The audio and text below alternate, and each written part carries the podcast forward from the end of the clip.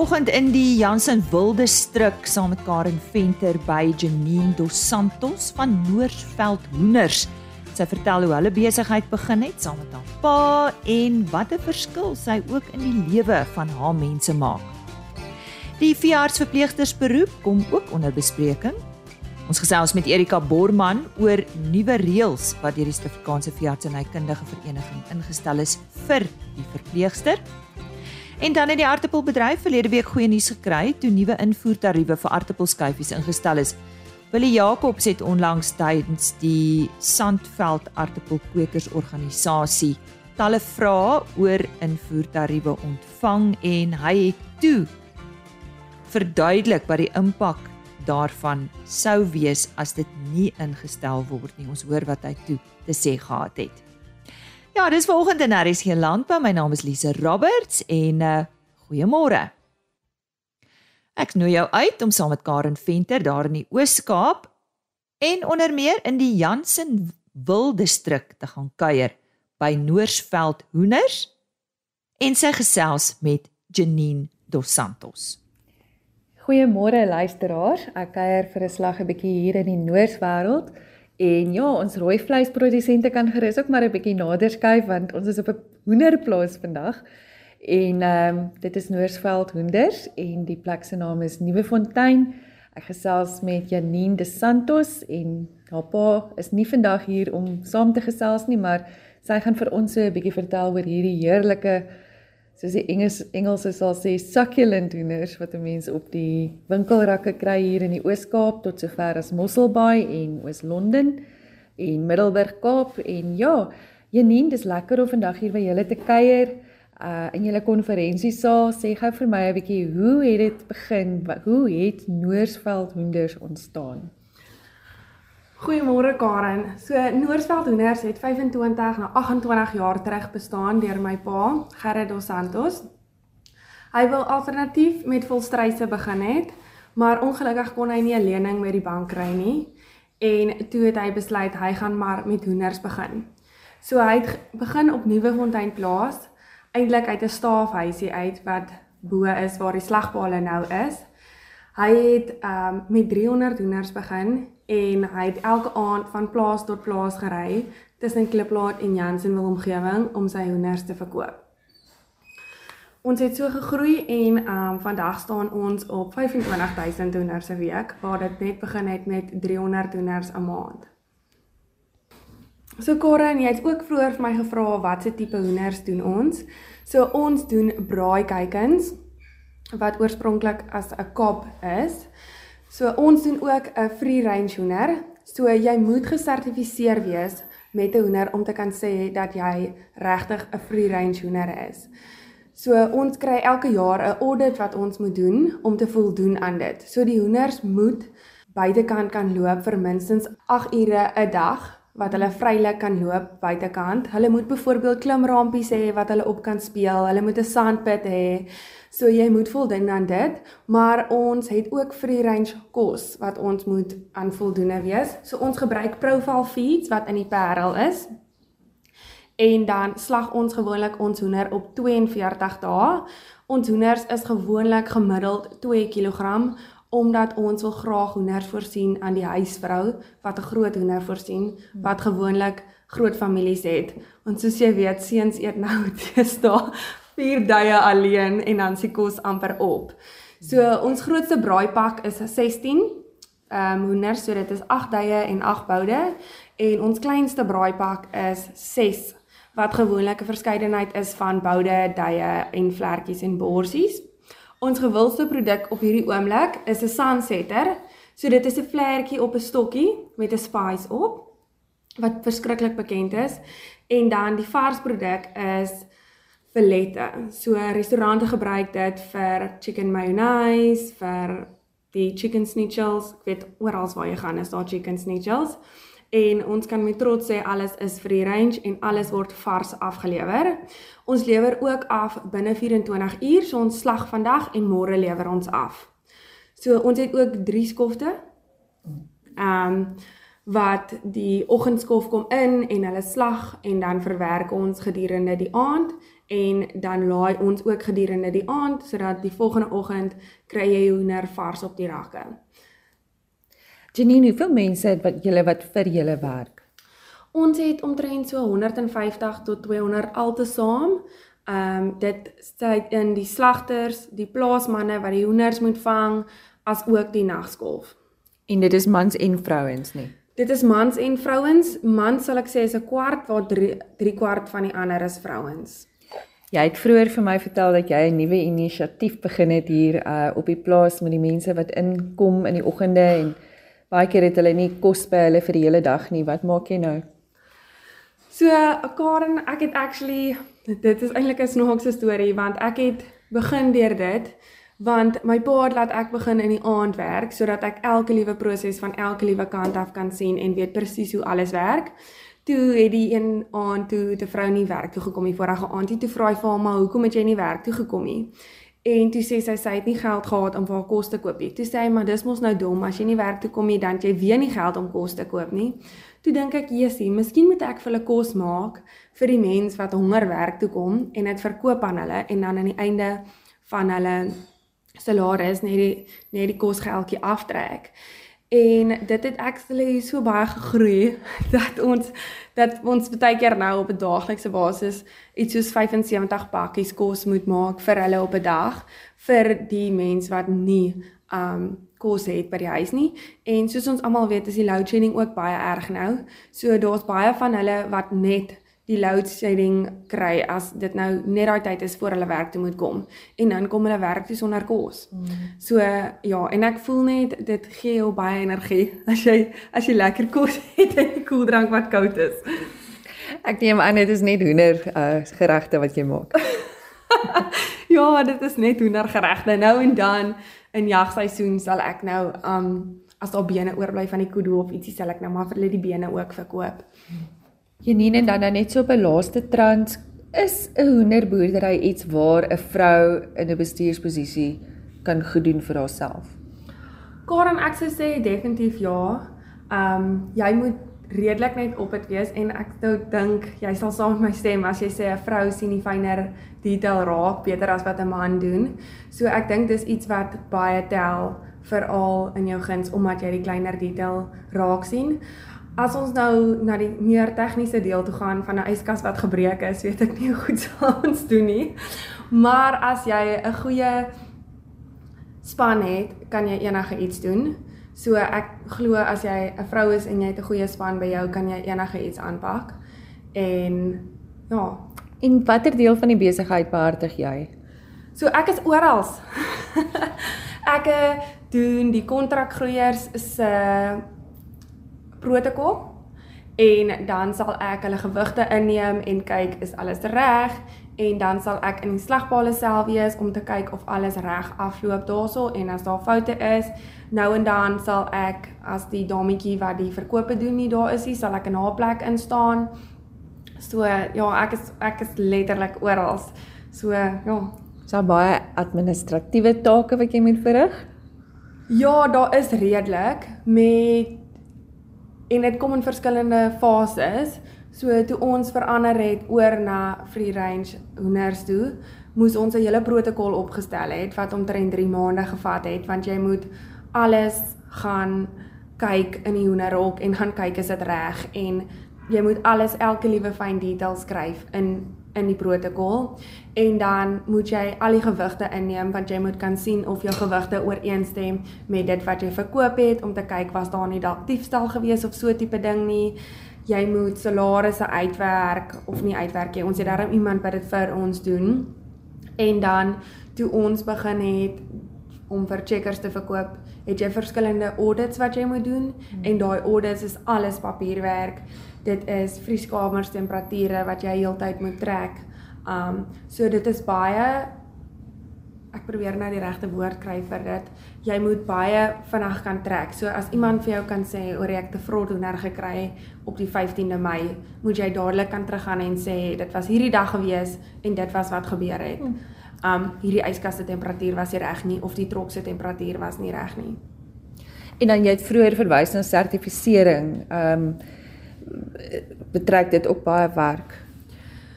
Dit betrek baie werk een keer 'n jaar wanneer jy nou die stelsel moet hernie. So gedurende jaar verander baie. So dit was byvoorbeeld gewees, ek is nie seker as ek nou vir jou sê, ek dink dit was 14 hoenders per square meter of so ietsie en nou is dit 16 in 'n free range.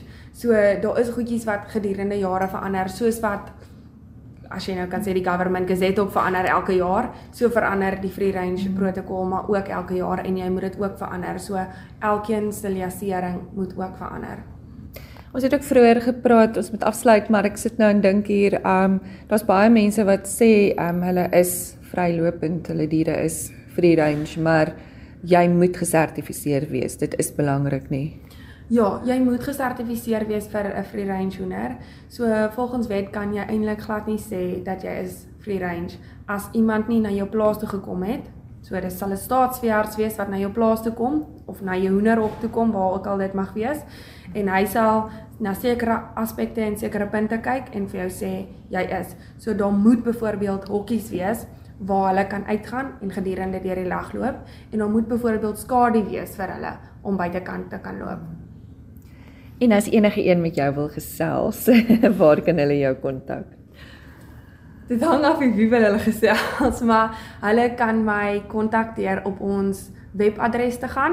Dit is www.noorsveld met 'n d op die einde, chickens met 'n s op die einde .co.za. Ons is ook op Facebook en op Instagram. En ja Janine, dit was nou regtig lekker gewees hier op Noorsveld Hoenders in die middel van die Karoo. Julle het reën gehad, dis pragtig. Dankie vir jou tyd. Baie dankie Karen vir jou tyd. En ek is Karen vir RSG Landbou. Ons medewerker in Nuwe Skaap Karen Venter wat by Noorsveld Hoenders gaan kuier het en sy het gesels met Janine Dos Santos. As jy nou eers ingeskakel het, goeiemôre. Jy luister na RSG Landbou. Baie welkom. Ons fokus vandag op veeartsverpleging as 'n beroep. Nou eh, ons het onlangs ook eh, 'n uh, 'n inleidende gesprek gehad oor die verandering in reëls en uh, ons gaan ook vandag daaroor gesels en hoor wat dink 'n veeartsverpleegster van die verandering in hierdie reëls. Ons verwelkom graag vir Erika Borman. Erika, baie welkom. Dankie dat jy hierso is. Vertel vir ons net kortliks wat behels hierdie professie of loopbaan. Ja, baie dankie vir die geleentheid. Ehm um, wel 'n verpleegster ehm um, moet 'n passie vir diere hê. Jy weet 'n verpleegster is iemand wat ehm um, wat kan swat. Dis 'n dis 'n beroep wat jy swat by onderste poort, die fakulteit veeartseny. Dis 'n 3 jaar kursus wat verander dit verander na diploma na graadkursus. So as jy daar uitloop kan jy basies op diere werk ehm um, binne jou omvangs van werk. So daar is verskriklik baie geleenthede. Jy kan met verskillende spesies werk. Ehm um, en die scope is is wyd. So jy kan of by 'n kliniek werk in klein diere of groot diere of eksotiese diere, wilde diere, ehm um, navorsingsdiere, welsynsorganisasies. So daar's verskriklik baie rigtings waarin 'n verpleegster kan gaan werk. Nou soos ek in my inleiding genoem het, uh daar is nou nuwe reëls en regulasies in plek uh vanuit jou oogpunt. Vertel vir ons hoe jy dit verstaan en dan gaan ons ook dalk ook beter verstaan en hoe verskil dit nou van die vorige reëls. Okay, so histories was 'n verpleegster geleer jy werk by 'n saam met 'n veearts in 'n praktyk en jy werk onder die toesig van 'n veearts. So jou salaris hang af van 'n veearts. En ehm um, die nuwe reëls laat nou toe dat jy op jou eie kan werk. So jy kan jou eie besigheid begin. Jy kan jou eie veeartseny of verpleegster praktyk registreer by die veeartsraad en jy kan jou eie ding doen vir jou eie geld. So dit is nogal 'n groot voordeel vir die professie, sou ek sê. Ehm um, want jy weet maar dis 'n nuwe learning curve. So almal almal moet geleer word van jy hoef nie nou net afhanklik te wees van 'n veearts nie, jy kan nou op jou eie ook werk. So dit is die groot verskil. Daar is sekere dinge wat jy nog steeds onder die toesig van 'n veearts moet kan doen. So ehm um, maar daar is baie baie werkies wat jy kan doen sonder sonder dat jy 'n veearts of 'n verwysing van 'n veearts nodig het. So wat gaan die impak wees op veeartsenydienste? Wel ek dink dit kan 'n dit kan die veeartsenydienste verbreek. So jy kan meer mense bereik deur dienste te lewer soos byvoorbeeld mobiele klinieke waar jy enstowwe kan gaan gee by mense se huise of waar jy ander dienste kan lewer. Byvoorbeeld die groot aanvraag op die oomblik is waar mense wil hê hulle diere moet by die huis uitgesit word. Dis nie 'n dis glad nie 'n lekker ding nie, maar as jy iemand het wat ehm um, versorgend is en baie goed is in wat hulle doen, kan jy dink 'n verpleegster by jou huis ehm um, in die diere se se safe space. Dis 'n baie beter plek om te om sulke tipe goeders te doen. En dan natuurlik kan jy enstowwe doen. Jy kan sekere dienste lewer wat wat jy nie noodwendig na 'n veearts toe hoef te vat nie, maar jy kan jou eie praktykie oopmaak en daai tipe van goed lewer vir jou vir jouself. Hoe hoe voel julle as uh, veeartsverpleegsters oor hierdie verandering? Het jy al terugvoer gekry van kollegas? Ja, ek het al bietjie gaan rondvra en ek dink die ding is hulle is redelik skrikkerig om hulle eie besighede te begin. Want dit is 'n nuwe ding. Ehm um, jy word nie geleer hoe om jou eie besigheid te begin as jy swat nie. So nou is dit jy moet geld hê. Jy moet jou jy moet jou jou business plan uitwerk. Jy moet strategies gaan sit en dink of dit vir jou die moeite werd is. So ek dink dis nogal dis 'n nuwe ding want die reëls het eers in Desember uitgekom. En ek sou graag wil sien hoe groei dit. Ehm um, maar op die oomblik is almal redelik nog versigtig om dit om dit aan te pak. So ja. Ek sou graag wil weet wat mag julle nie doen? Wat mag ons nie doen nie? Wat is 'n veeartse werk teenoor julle werk? Noem net vir ons 'n okay. paar voorbeelde. Wel, jy mag nie ehm um, operasies soos spys en kastrasies doen byvoorbeeld nie. Ehm um, daar is daar's baie goed wat ons mag doen wat ek vir jou kan noem. Jy weet, dis narkose wat ja. sekere goed met jou onder toesig van 'n veearts doen. Ehm um, daar is daar's baie goed soos lansering van absesse byvoorbeeld of jy kan katkastrasies doen, maar jy mag nie hondkastrasies doen nie. Ehm um, Jy weet dit is dis 'n hele ander prosedure. So ligte prosedures. Jy kan baie gesoos ehm um, dental scaling en polishing doen met onder narkose natuurlik. Ehm um, so ja, daar is daar's 'n redelike so spesialiste veeartse kan ortopediese chirurgie doen wat 'n uh, verpleegster byvoorbeeld nie kan doen nie. So daar dit baie invasive raak en dit dit raak in weet daar's 'n groot impak op die dier na die tyd. Draak dit te veeartse werk. En jy mag ook nie diagnoses doen nie. Dis 'n groot ding. Jy mag nie diagnoses doen nie. Ja. So jy maak nie saak al het jy jou eie besigheid, jy moet nog steeds in kontak wees met 'n veearts naby genoeg indien dit uh, nodig is. In sekere opsigte, soos jy kan entings gaan doen. Jy kan jou eie entingskliniek begin en jy het nie 'n verwysing of 'n koneksie met 'n veearts nodig nie. Jy kan naels knip, jy kan bloed trek as dit nie noodwendig nodig is om sedasie te gee nie jy weet in sulke tipe goed so klein eh, min ligte prosedures of soos daar's baie kere waar mense aanvra om raad te kry oor die kos vir hulle diere vir sekere siekte toestande. Uh of byvoorbeeld uh, puppy socialization klasse of diere behavioral problems en sulke goeie. So jy kan daai tipe goed op jou eie doen. Maar dit is altyd 'n goeie ding om koneksie te wees met 'n veearts. En ek dink die kommunikasie met 'n veearts is belangrik want jy wil nie net in sy area inbeweeg nie. En ek dink jy weet dit is nogal 'n iets waar die veeartse dalk ongemaklik kan voel. Maar ek dink as jy slim werk, kan jy meer geld inbring. Erika, uh, jy het voorheen genoem, uh, mens studeer by Onderste Poort, 3 jaar graad kursus nou. Waar kan 'n mens meer inligting kry indien jy belangstel om dalk hierdie loopbaan te volg? Ek dink uh, verpleegsters, as jy verpleegster wil werk, moet jy definitief gaan na die verpleegstersverenigings Wenasa vnasa.net en jy kan ook gaan um, kyk na die veeartsraad so savc.org.za dis ook 'n webtuiste waar jy baie inligting kan kry al die nuwe reëls is daar ehm um, wat jy kan doen is daar so ja dit is alles beskikbaar baie dankie okay. en sterkte dankie. met jou nuwe poging om uh, iets nuuts te begin in jou lewe. Baie dankie. Dankie vir die geleentheid. So sê Erika Borman, sy het vandag gesels oor die uh, veeartsverpleging professie en soos sy gesê het vir meer inligting, uh, besoek gerus 'n uh, vnasa.net. Daar is 'n uh, inligting beskikbaar of Google maar net die professie, ek seker daar sal iets opkom.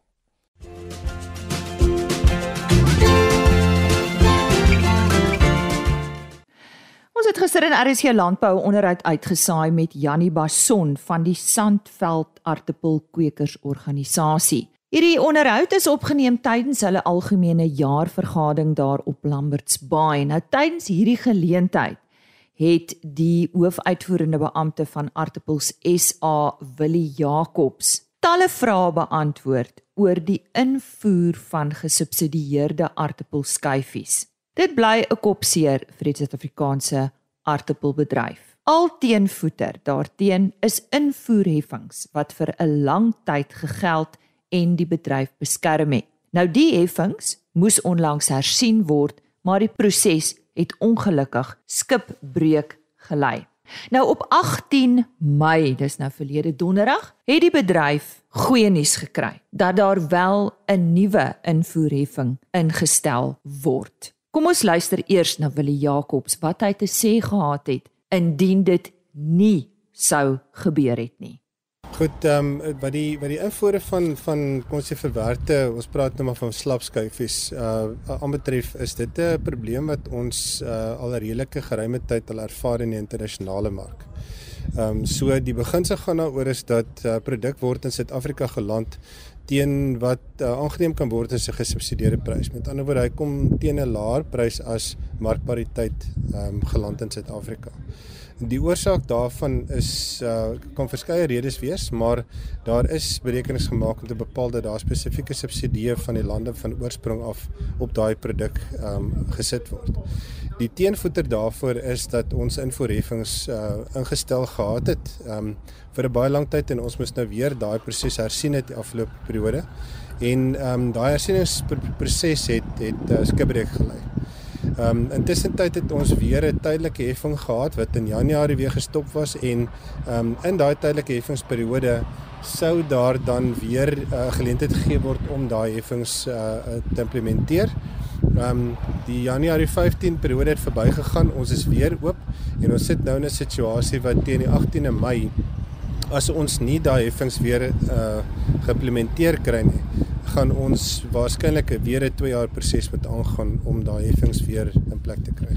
Dit beteken dat van na die 18de Mei af is daar baie groot kans dat daar geen invoerheffings uh in plek kan wees vir produk wat van veral Europa afkom nie. Heidiglik uh omvang gewys uh is die die spesifieke volumes wat ter sprake is nie uh, uh substansieel nie. Um ons kyk na Suid-Afrikaanse produksie van verwerkte skyfies van so 550 000 tonne per jaar. Um wat ingekom het al um op 'n maksimum jaar is omtrent 50 000 ton. Maar die verwagting kan wees as hierdie geleentheid oopgaan is dat daai uh, ek wil amper sê dit 'n uh, ek nie sê 'n vloedgolf nie, maar daar is 'n geleentheid vir 'n vloedgolf van produk wat kan inkom. Ehm um, en dit kan daadwerklik effek hê op die lewensvatbaarheid van ons lokale prosesseerders. So ehm um, die teenvoeter vir ons is op hierdie stadium dat die ingevoerde produk definitief onderskei word van die Suid-Afrikaanse produk. Ons is in Suid-Afrika baie lief vir ons wat ons praat van slap chips, ons praat van 'n 'n slap skyfie wat vervaardig word van ehm um, 'n aartappel wat nie dieselfde kom ons sê digtheid het as die goed wat in Europa geproduseer word vir verwerking nie. Ehm um, en ons gaan daadwerklik probeer om 'n produk onderskei te kry sodat ons die uh verbruiker kan attent maak op watse produk Suid-Afrikaans is en watter produk van die buiteland af is. En dan die ander aksie wat ons op hierdie stadium besig te loods is om 'n soortgelyke prosesseringsaanleg ehm um, ter stapel te stuur vir die aardappelbedryf uh, wat ook dan nou die verwerkers wat heidaglik in proses is ook behoort te ondersteun die kapasiteit wat beskikbaar is in Suid-Afrika vir ehm um, daai tipe van slapskyfies ook so te verhoog dat ons eintlik kan kompeteer met die produk wat van die buiteland afkom. Die die grootste risiko wat ons het op die plaaslike bedryf is die verwerkingssektor gaan skade ly. Ehm um, en dit is een van die groot uh, bronne op hierdie stadium van ons ontwikkelingsprodusente se se lewensvatbaarheid. So dit gaan definitief ons vermoë om in die aardappelbedryf nuwe produsente te laat toetree tot die mark definitief skade laat ly. En so het die hoofuitvoerende beampte van Aartappels SA, Willie Jacobs, tydens die Sandveld Aartappelkweekers Organisasie se jaarvergadering gesels. Die Suid-Afrikaanse aartappelbedryf was verheug op 18 Mei toe die kommissie vir internasionale handelsadministrasie besluit het om invoerbelasting op bevrore aartappelskyfies of patatskyfies weer in te stel. Die algehele invoerkoerse staan nou op 67,33% vir België, 239,10% vir Nederland en 181,05% vir Duitsland. RSG.co.za op daardie webtuiste, dis die RSG webtuiste, is alle volledige RSG landbou programme beskikbaar. 'n E-posadres vir ons is rsglandbou@plaasmedia.co.za en indien jy net na onderhoud wil gaan luister, besoek gerus www.agriorbit.com. Môreoggend in RSC Landbou kuier jy saam met my by Nampo 2023. Ek sien uit. Totsiens. RSG Landbou is 'n plaas media produksie met regisseur en aanbieder Lize Roberts en tegniese ondersteuning deur Jolandi Root.